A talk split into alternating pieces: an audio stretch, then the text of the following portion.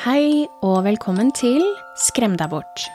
Jeg heter Hilde Kristina, og først så vil jeg bare si beklager for at denne episoden kommer litt senere enn først planlagt. Denne uken så mistet jeg dessverre en av kjæledyrene mine, så jeg har ikke vært helt i humør til å sitte og snakke om grusomme ting. I denne ukens episode så skal jeg fortelle deg om saken om Junko Furuta. I likhet med Sylvia-saken i episode to, denne saken er virkelig tøff. Er du sart og ikke orker å høre om grusomheter fra virkeligheten, så er ikke dette episoden for deg. Til dere som tåler det meste, dette er saken om torturen og mordet på Junko Furuta.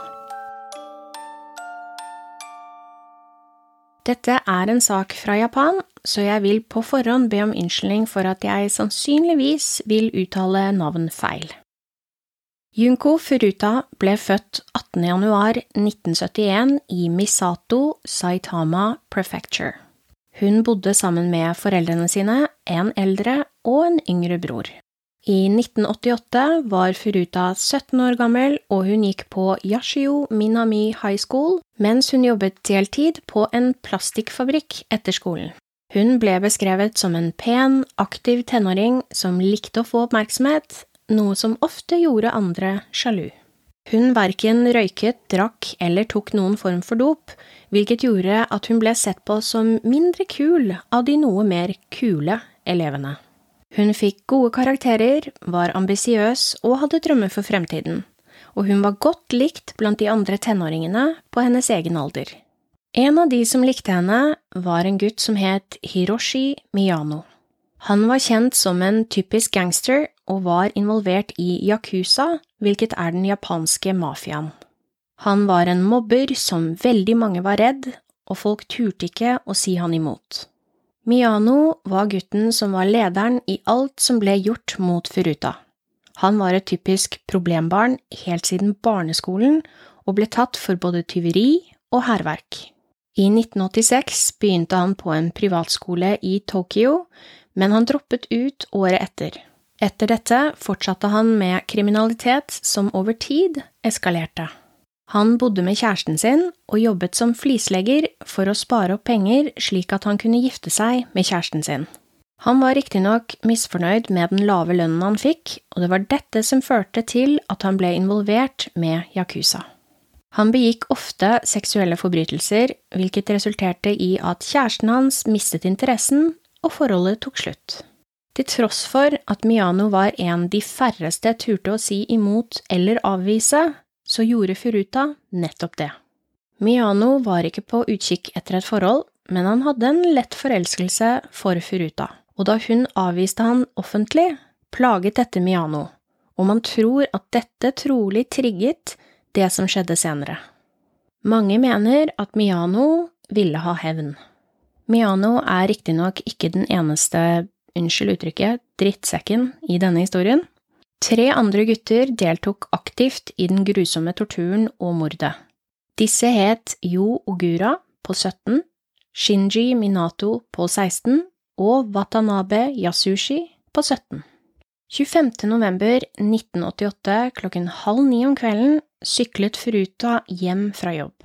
Minato og Miyano var ute og vandret i Misato for å finne mennesker de enten kunne rane eller voldta. De fikk øye på Furuta, og Miyano beordret Minato til å sparke henne av sykkelen, noe som gjorde at hun gikk i bakken. Deretter stakk Minato fra stedet. Dette var fullt og helt planlagt, slik at Miyano kunne stige frem og late som han var en bekymret tilskuer. Han hjalp henne opp og tilbød seg å følge henne hjem, noe Furuta sa ja til. I stedet for å følge henne hjem, så ledet han veien videre og tok henne med til et forlatt varehus. Da de kom til dette varehuset, så endret holdningen hans seg drastisk. Han begynte å skrike til henne, og for å skremme henne hevdet han at han hadde tilkomlinger til Yakuza. Han fortalte henne at hvis hun ikke gjorde akkurat det han sa, så ville han få Yakuza til å drepe henne. Han ledet henne inn i varehuset og voldtok henne, før han tok henne med til et hotell og voldtok henne to ganger til. Deretter lot han henne ikke forlate hotellet. Det var forbi midnatt, og Miano holdt fortsatt Furuta på dette hotellrommet, og han vurderte frem og tilbake hva han skulle gjøre med henne. Han ringte kameratene sine og fortalte hva han til nå hadde gjort mot Furuta, og han skrøt av dette, og dette gjorde kameratene hans veldig giret. De ønsket å få muligheten til å gjøre akkurat det samme mot denne jenta. Samme natten, rundt klokken tre om natten, så tok Miano Furuta med til en lokal park og møtte sine tre kamerater. Det var da Furuta kjente igjen den ene gutten som han som hadde sparket henne av sykkelen samme dag, og hun innså at dette høyst sannsynlig var planlagt. Det hun ikke visste, var at dette ikke var første gang guttene hadde gjort dette mot jenter. De hadde en forhistorie innen det å kidnappe og gjengvoldta kvinner. Kort tid før dette skjedde, så hadde de bortført og gjengvoldtatt en annen kvinne som ikke turte å fortelle dette til noen, fordi Miyano igjen hadde tilkoblinger til Yakuza. Da de møttes i parken, så ga Miyano tingene til Furuta til de tre andre guttene, slik at de kunne se gjennom tingene og kanskje stjele det som var av verdi. På en av notatbøkene hennes så sto hjemmeadressen hennes, noe gruttene brukte mot Furuta. De sa til henne at dersom hun ikke gjorde eksakt som de ville, så ville familien hennes bli skadet eller drept av Yakuza. Deretter tok de Furuta med seg fra parken og hjem til Minato.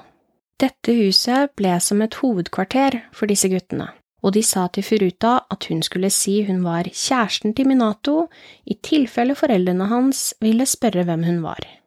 Men foreldrene spurte aldri.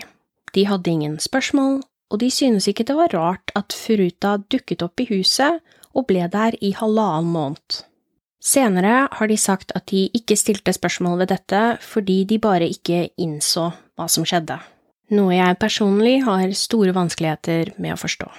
De har i ettertid også hevdet at de var redd sin egen sønn fordi han kjente Miyano, som hadde tilkoblinger til Yakuza. Da guttene innså at foreldrene til Minato ikke kom til å stille spørsmål eller bare ikke brydde seg, så sluttet de å få Furuta til å påstå at hun var kjæresten til Minato. Dette burde jo gjort at noen varsellamper gikk av, men de brydde seg rett og slett ikke. Et par dager senere er foreldrene til Furuta veldig bekymret. Hun hadde jo dratt på jobb og aldri kommet hjem, så de kontaktet politiet. En stor leteaksjon ble satt i gang, og guttene fikk panikk, fordi de visste at politiet på et eller annet tidspunkt ville klare å spore henne til dem. Guttene tvang derfor Furuta til å ringe foreldrene sine tre ganger og si at hun var med en venn, at hun var trygg, og at hun hadde rømt hjemmefra.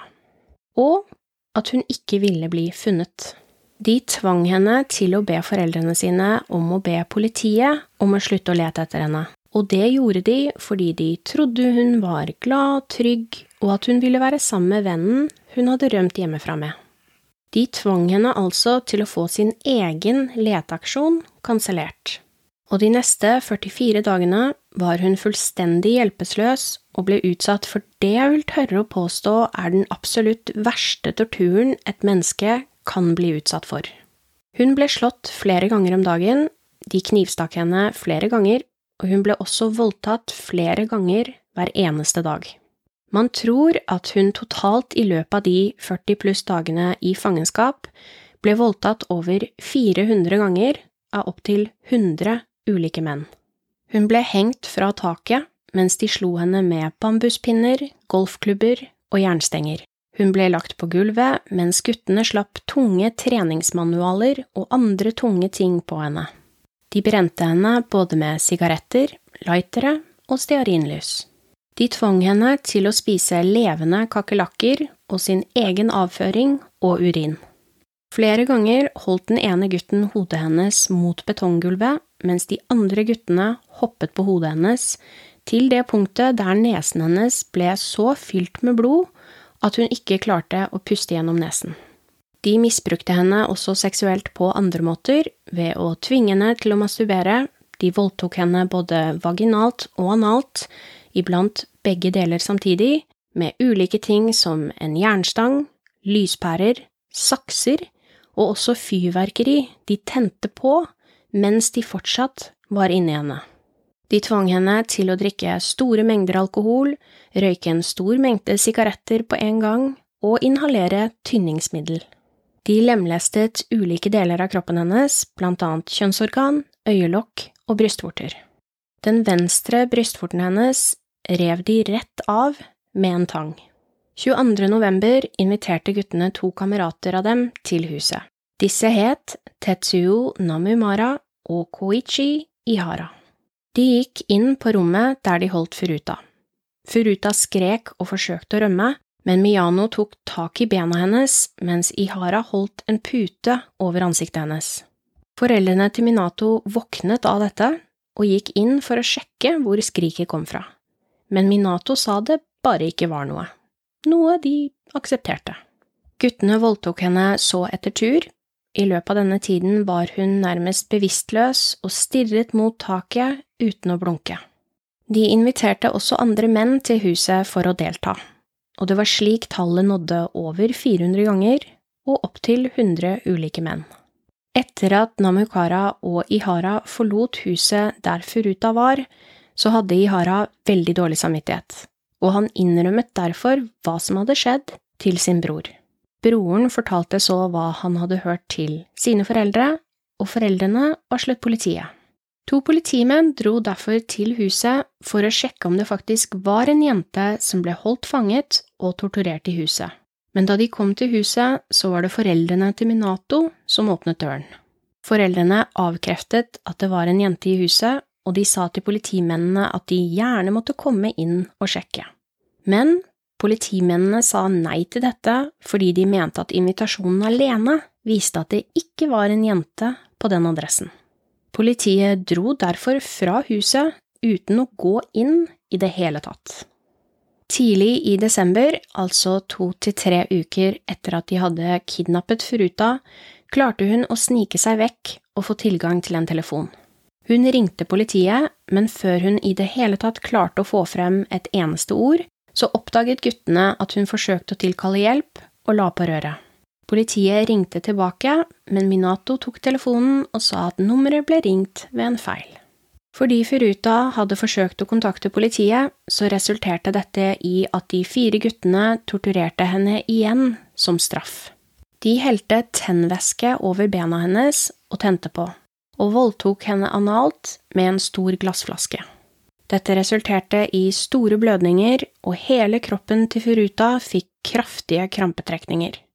Guttene trodde at hun latet som, så for å gi henne en lærepenge for å late som, tente de på henne igjen. Gjennom fangenskapet så tryglet Furuta dem gjentatte ganger om å bare drepe henne, men guttene hadde det litt for gøy til å la henne få slippe unna så lett. De fortsatte å banke henne opp og voldta henne flere ganger om dagen og nå tvang de henne også til å sove utendørs på balkongen, og dette var i desember.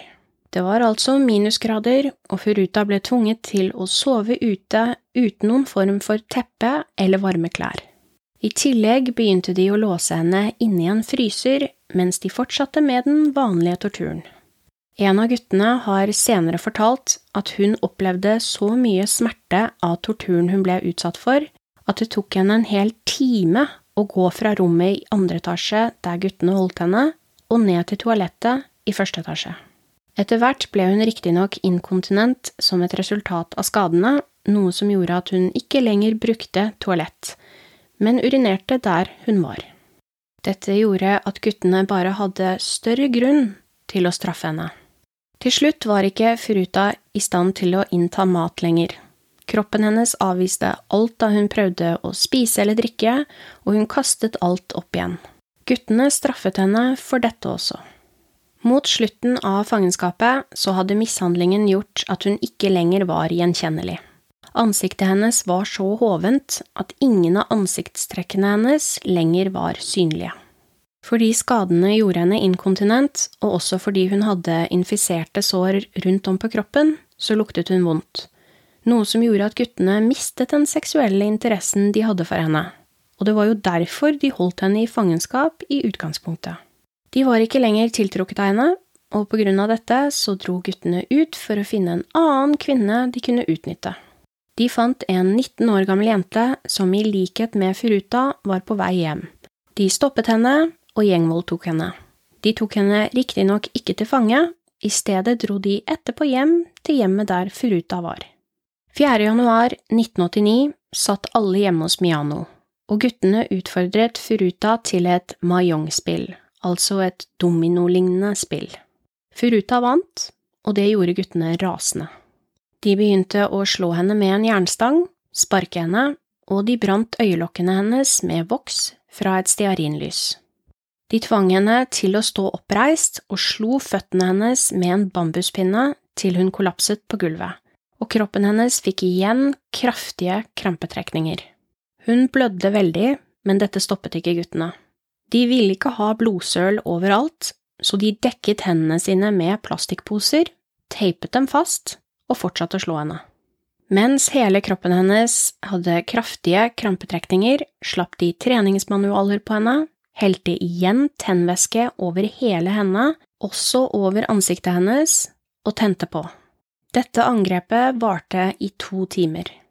Furuta forsøkte å slukke brannen uten suksess, og til slutt mistet hun bevisstheten.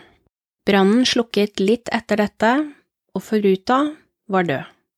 Datoen var 4. januar 1989. Guttene trodde bare at hun var bevisstløs, for hun pleide å være det og deretter våkne noen timer senere. De innså ikke at hun var død før 24 timer etterpå. Miano fortalte sin bror at dette hadde skjedd, og nå trengte de å bli kvitt liket hennes. De pakket henne inn i flere tepper og la henne i en stor reiseveske. Under fangenskapet så hadde Furuta sagt at hun angret på at hun aldri så den siste episoden av Dragonfly, så Miyano fant en video av denne episoden og la den også i reisevesken. Han forklarte senere at han ikke gjorde dette ut av medlidenhet, men fordi han ikke ville at hun skulle returnere som et spøkelse og hjemsøke han. For alt han utsatte henne for, blir jo slettet av en episode av Dragonfly. Deretter la de denne reisevesken i en 208 liters tønne og fylte tønnen med våt betong. De lot betongen stivne og kvittet seg deretter med tønnen. Og fordi ingen lette etter Furuta, så kunne guttene ha kommet unna med dette for alltid. Ingen visste jo at hun i det hele tatt var savnet. Heldigvis så endte det ikke der. Tre uker senere så ble Miyano og Ogura arrestert for voldtekten av den 19 år gamle jenta de fant da Furuta ikke lenger var tiltrekkende nok for dem. Miyano og Ogura ble avført hver for seg, og rundt tiden da denne voldtekten ble gjort, så ble to mennesker myrdet. Denne saken var fortsatt uløst, og fordi det fantes likheter mellom de to sakene, så lurte politiet på om disse guttene kanskje var ansvarlig for disse mordene. Da Miano ble avført, nevnte politiet dette mordet, og Miano trodde de refererte til Furuta og at Ogura kanskje allerede hadde tilstått. Derfor fortalte Miano dem alt. Han fortalte dem hvor de kunne finne tønnen, og dagen etter så fant de den. Kroppen hennes var så misformet at hun ikke lenger kunne identifiseres ved å bare se på henne. De var nødt til å bruke fingeravtrykk for å kunne identifisere henne. Etter dette avhørte politiet de to andre guttene i tillegg til broren til Miano, og disse tre ble også arrestert. Opprinnelig så ble ikke navnene til disse guttene delt offentlig, fordi de alle var mindreårige men raskt lekket en journalist navnet deres for hele verden. Avisen mente at mennesker som var i stand til å gjøre noe så grusomt, ikke fortjente å være anonyme. Jeg støtter den, helt, helt enig. Alle guttene tok en straffeavtale hvor de erklærte seg ikke skyldig til mord, men skyldig i å utføre skade på en kropp slik at det resulterte i døden. Dette gjorde de selvfølgelig så de skulle få mildere straff, og det fikk de. I juli 1990 så fikk Miano 17 år. Han prøvde å anke og sa at 17 år var for mye. Saken ble vurdert, men dommeren som vurderte den, syntes ikke at 17 år var nok, så han ga han tre år til. En som sonet tid med han, beskrev han som, og jeg siterer, en smart, bekymringsløs og veloppdragen mann som ikke virker som en som kan ha gjort en så grov forbrytelse. Han var en god mann i verden. Foreldrene hans måtte betale kompensasjon til foreldrene til Furuta, og de ble tvunget til å selge familiehjemmet sitt slik at de kunne få råd til å betale det de skulle. Miano ble nektet prøveløslatelse i 2004, men han ble løslatt i 2009 og er nå ute av fengsel. Han går nå under navnet Yoko Yama. Minato Nobuharu ble opprinnelig dømt til fire til seks år, i likhet med Miano anket han, og dommen ble økt til fem til ni år. Da han slapp ut av fengselet, så flyttet han sammen med sin mor, og han har vært arbeidsledig siden da. I 2018 så ble han arrestert for drapsforsøk etter at han slo en 32 år gammel mann med en jernstang og kuttet over strupen hans med en kniv. Watanabe Yasushi fikk først tre til fire år, han anket, og dommen ble økt til fem til syv år. Yo Ogura tilbrakte åtte år i et ungdomsfengsel og ble løslatt i 1999. Han skrøt riktignok av at han hadde drept og voldtatt Furuta både da han var i fengselet og etter at han ble løslatt. Han byttet navn til Kami Saku. Etter dette fikk han en jobb og en kone, men i 2004 så ble han arrestert for å angripe en mann han trodde kona si hadde en affære med. Dette var riktignok ikke et angrep som bare skjedde der og da, dette var planlagt. Han sporet opp mannen, banket han opp og stappet han i bagasjerommet på bilen sin, før han tok han med til en bar som moren hans eide. Deretter banket han opp mannen i fire timer, mens han konstant truet med at han kom til å drepe han, og sa også at han hadde drept noen før og kommet unna med det. Han fikk syv år i fengsel for dette. Moren hans har senere innrømmet at hun vandaliserte graven til Furuta fordi hun hevdet at Furuta ødela livet til sønnen hennes. Prima mennesker dette, altså.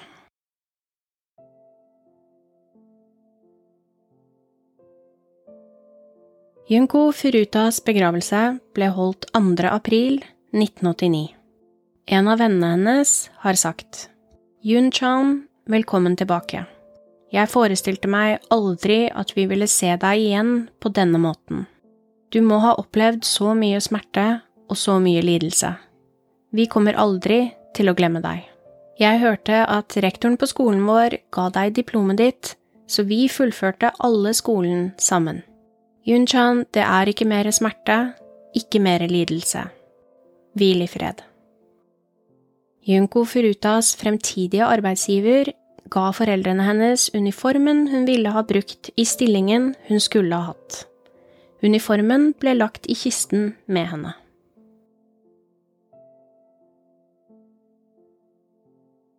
Takk for at du hørte på, og takk til alle som sendte meg mail og ønsket at jeg skulle ta for meg denne historien.